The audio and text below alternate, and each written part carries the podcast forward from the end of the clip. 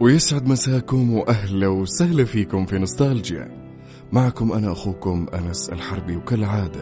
ومثل ما تعودنا في نوستالجيا نرجع لسنين طويلة نذكر فيها تاريخنا وماضينا الحلو مع شخصيات كتبها التاريخ ووصلها لنا اليومنا هذا.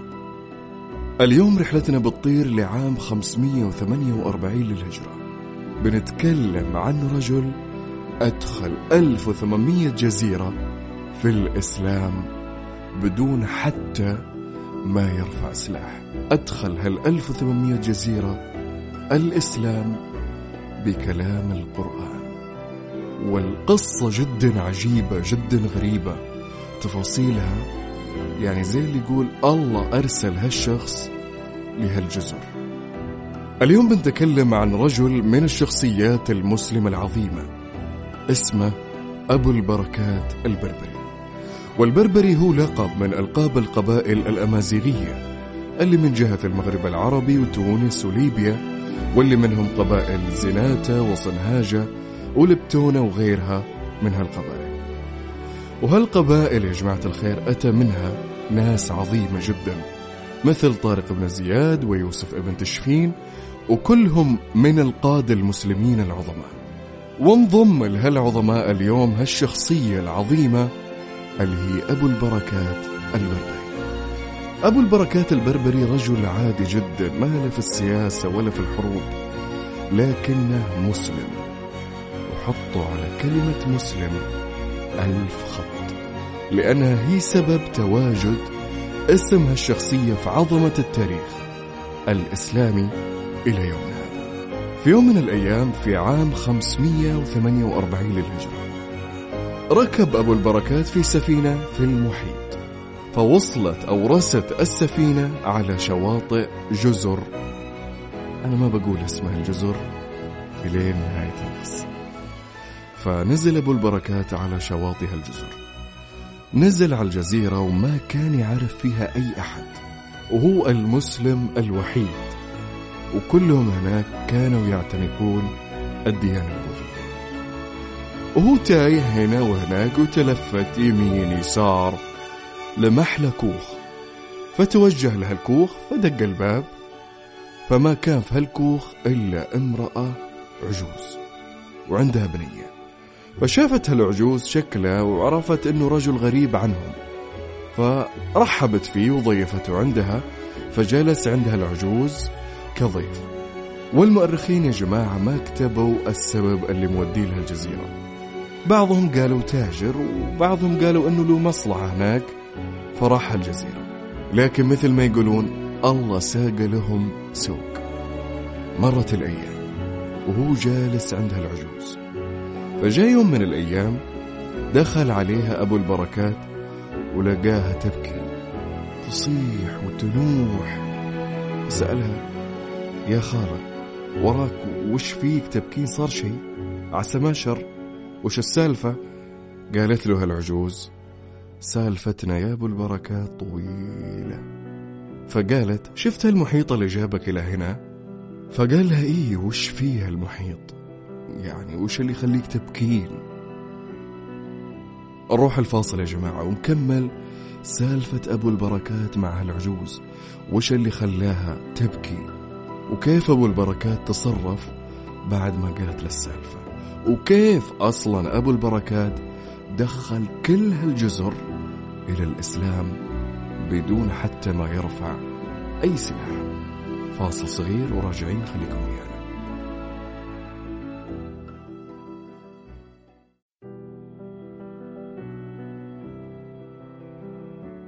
ورجعنا لكم بعد الفاصل وأهلا وسهلا فيكم في نوستالجيا. اليوم قصتنا جدا جدا جميلة ومختلفة. نتكلم عن شخص واحد. أدخل 1800 جزيرة في الإسلام ولم يرفع حتى سلاح. نكمل. قلنا أن أبو البركات دخل هالجزيرة وما كان يعرف أحد وهو المسلم الوحيد. وحصل له كوخ ولقى العجيز. جلس عندها كضيف. وفي يوم من الأيام دخل أبو البركات على العجوز وحصلها. تصيح وتنوح. وحالتها حالة. فسألها أبو البركات وراك يا خالة وش فيك؟ عسى ما شر. قالت لا سلفتنا طويلة قالت شفت هالمحيط؟ اللي جيتنا منه قال إيه. قالت هالمحيط يا أبو البركات يطلع لنا منه كل شهر مارد أو عفريت. فكل ما أقبلت الليلة اللي بيطلع فيها هالمارد أو العفريت يروحون يتجمعون الكهنة البوذيين عندنا. والكهنة هم رجال الدين لديانتهم البوذية. تقول يتجمعون الكهنة ويسوون قرعة. وكل قرعة باسم بنت عذراء. ومن طاحت عليها القرعة يحطون هالبنية في كوخ على الشاطئ مقابل المحيط.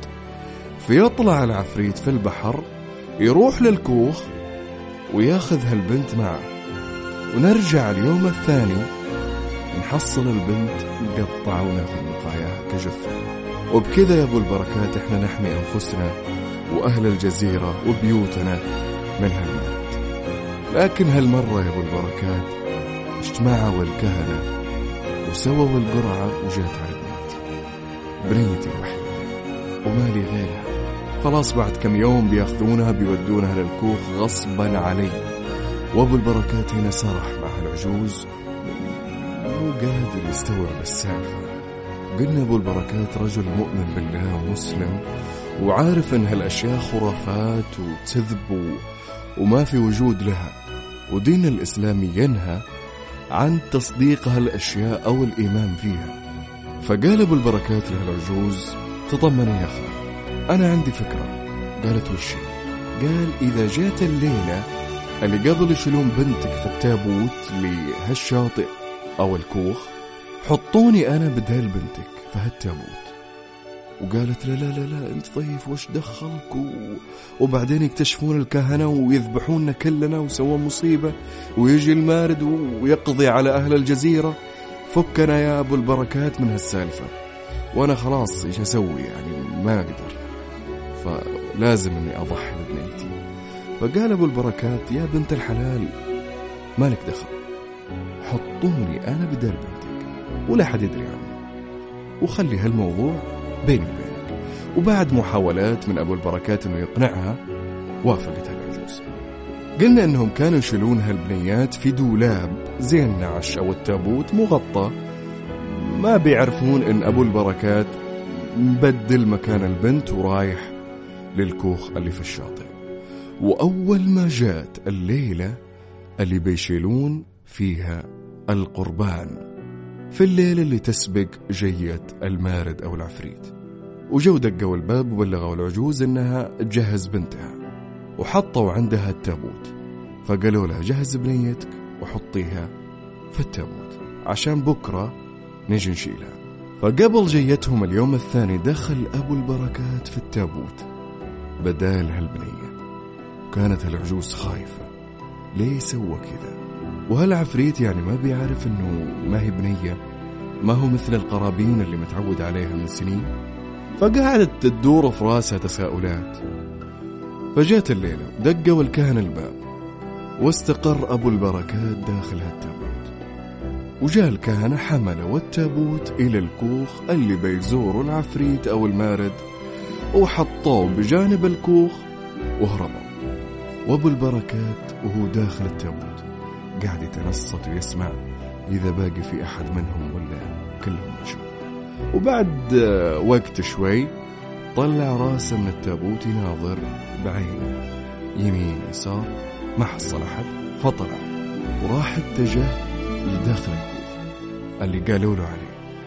يقول المؤرخين إنه جلس داخل الكوخ إلا وشويات ارتفعت وهاجت أمواج البحر.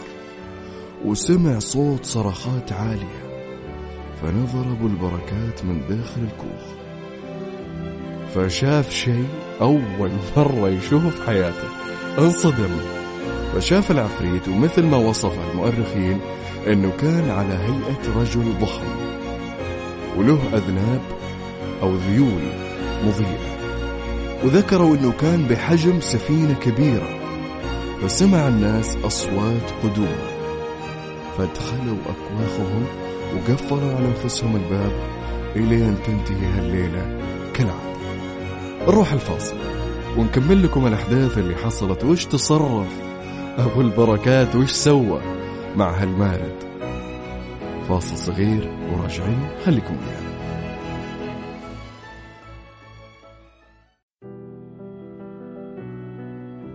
ورجعنا لكم بعد الفاصل. وأهلا وسهلا فيكم في نوستالجيا.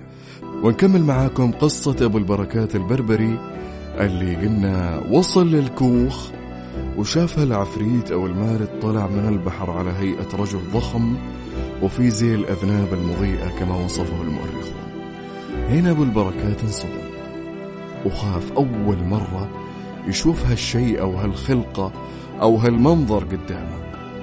فمن شاف أبو البركات هالمنظر جلس يقرأ القرآن. ويقرأ ويقرأ ويعلي صوته ويقرأ. فالعفريت هو منطلق للكوخ من سمع القرآن تسمر. وما قدر يتحرك خطوة زيادة للكوخ. وجالس يحاول ويصرخ لكن آيات رب العالمين كانت أقوى من أن يستمر. فاستسلم وعرف أنه ما راح يقدر فرجع للبحر. صباح اليوم الثاني جو أهل الجزيرة مع كهنتهم عشان يجمعون بقايا جثة القربان كالعادة ويعطونها لأهل البلد لكن تفاجأوا منهم سمعوا صوت طالع من الكوخ. فقاموا يجرون للكوخ. يعني استغربوا يعني استغربوا هالصوت.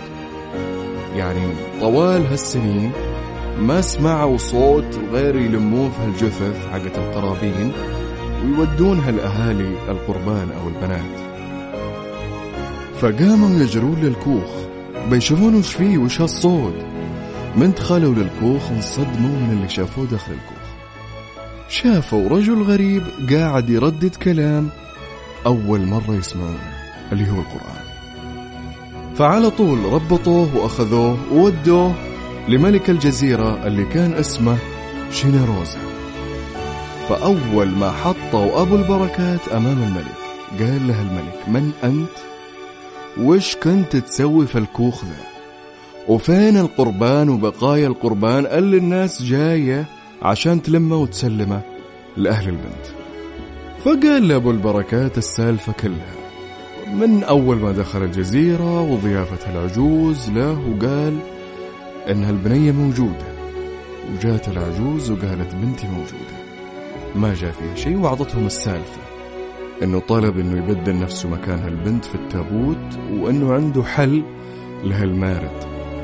فقال أبو البركات للملك إن ديننا الاسلامي يأمر بكذا وينهى عن كذا وكلام الله في ديننا وكلام القرآن هو من أخاف العفريت وأرجعه إلى البحر. فتعجب الملك من كلام أبو البركات يعني مشكك في كلامه. كيف بكلام يا أبو البركات؟ تردده اللي تزعم إنه كلام دينك يطير مارد من سنين يعني يجننا ذبح بناتنا نص بنات هالجزيرة راحوا كقربان وكل شهر يجينا هالمارد. انسلمى لازم بنت من بناتنا كقربان. قال من قبل لا أولد أنا وهالعفريت جننا كيف أنت في يوم وليلة ردعت هالعفريت بدون حتى سلاح؟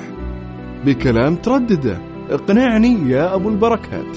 فكمل الملك كلامه قال ما بصدق يا أبو البركات؟ إلين يجي الشهر الجاي وقت جية هالمارد أو العفريت. وتدخل للكوخ وأنا أكون موجود. وشوف هل أنت صادق أو لا؟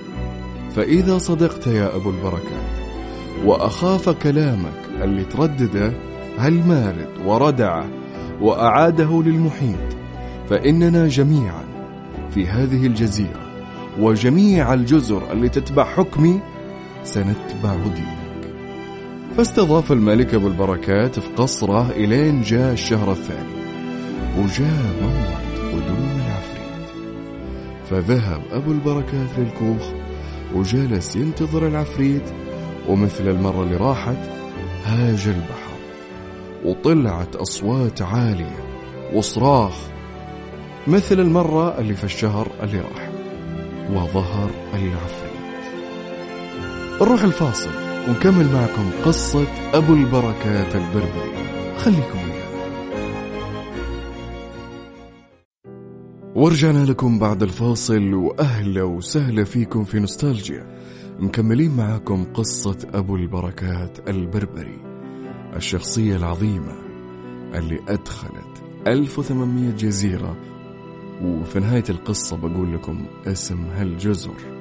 كثير منكم يعرفها وكثير ناس يسمعوني الآن راحوا هالجزيرة. وممكن ما يعرفون هالأحداث والتاريخ اللي حصلت في هالجزيرة. نكمل. قلنا أن الملك استضاف أبو البركات الين الشهر القادم وموعد جية هالعفريت في الليلة اللي قبل جية العفريت جهزوا أبو البركات وحطوه في تابوت ودخلوه في الكوخ. فراحوا أهل الجزيرة وعلى رأسهم الملك يراقبون يناظرون من بعيد ويشوفون إيش بيسوي أبو البركات. هل فعلا انه القرآن أو الكلام اللي ردده ما هو فاهمين وشو؟ يردع العفريت أو يرجعه للمحيط. وفعلا ظهر العفريت مثل المرة اللي راحت. طلعت أصوات وهاج البحر وطلعت أصوات صراخة وظهر لأبو البركات على هيئة رجل ضخم مثل ما ذكر المؤرخون. فهالمرة طلع له أبو البركات. ما انتظر في الكوخ طلع له. أمام نظر جميع أهل القرية. جلس يتلو القرآن بصوت عالي جدا. وقام يقرأ يقرأ يقرأ. فالعفريت هنا قام يصرخ ويحترق. يعني تسمر مكانه وقاعد يحترق. فخاف وهرب بسرعة على المحيط. فأول ما شافوا الناس هالمنظر وعلى رأسهم الملك شيناروزا قاموا يصرخون. فرحين وتناقزون من الفرحة. وكلهم جو على أبو البركات وجاء الملك. من شاف اللي سواه أبو البركات؟ انحنى وانحنوا جميعا. وقالوا نشهد أن دينك هو الحق وكلامك اللي تقوله يا أبو البركات هو كلام الحق. وأسلم أهل الجزيرة كلهم وعلى رأسهم الملك. وأرسل الملك للجزر الثانية اللي تتبع حكمه رسالة. بأن الديانة تغيرت للإسلام. حطموا جميع أصنام بوذا. وبعدها الملك طلب من أبو البركات أن يختار له اسم. فاختار له اسم محمد ابن عبد الله. على اسم نبينا محمد صلى الله عليه وسلم. وطلب الملك محمد بن عبد الله شنروز سابقا إنه يكتب على لوح بالخط العربي اسمه الجديد وتاريخ دخولها الإسلام وسبب اسلامه فكتب أبو البركات البربري على هاللوح ما طلبه الملك محمد بن عبد الله. وإلى يومنا هذا محتفظين بهاللوح عندهم ويتناقلونه فيما بينهم من القرن الحادي عشر إلى يومنا هذا. هالجزر يا جماعة اسمها جزر المالديف. أسلموا كلهم في أقل من شهرين. من ملكهم حتى أصغر واحد فيهم. وبعد إسلام الملك شنروزا أو محمد بن عبد الله بعد إسلامه جعل ثلث دخل الدولة لأبناء السبيل. وأبناء السبيل هم المسافرين اللي انقطعوا أو ابتعدوا عن بلادهم وأهاليهم. وكان هذا بسبب ابن السبيل اللي الله سبحانه وتعالى ساق لهم أبو البركات البربري. فقام أهل جزر المالديف بعد إسلامهم بتحطيم جميع الأصنام وعلى رأسهم تمثال بوذا اللي كانوا يؤمنون فيه. وقاموا بتحويل كل المعابد البوذية إلى مساجد. وكان أول معبد حولوا إلى مسجد سموه مسجد أبو البركات البربري. وإلى يومنا هذا موجود مسجد أبو البركات في جزر المالديف. خلوا الفاصل. ونكمل معاكم قصة أبو البركات البربري. خليكم ويانا. ورجعنا لكم بعد الفاصل وأهلا وسهلا فيكم في نوستالجيا. قلنا إن ملك جزر المالديف اللي هو محمد ابن عبد الله شينروزا سابقا جعل ثلث دخل الدولة لأبناء السبيل. وقلنا أن أبناء السبيل هم المسافرين اللي انقطعوا أو ابتعدوا عن بلادهم وأهلهم. وهذا قلنا كان بسبب ابن السبيل أبو البركات البربري. وقلنا إن أهل جزيرة المالديف حطموا جميع أصنامهم على رأسهم تمثال بوذا وقاموا حولوا كل المعابد إلى مساجد. وحولوا أقدم أول معبد عندهم إلى مسجد وسموه مسجد أبو البركات البربري وموجود إلى يومنا هذا في جزر المالديف. وفي يومنا هذا مذهب جميع المسلمين في جزر المالديف هو المذهب المالكي لأن اللي هداهم للإسلام وأنقذهم بعد الله سبحانه وتعالى هو مذهب أبو البركات مذهب الإمام مالك.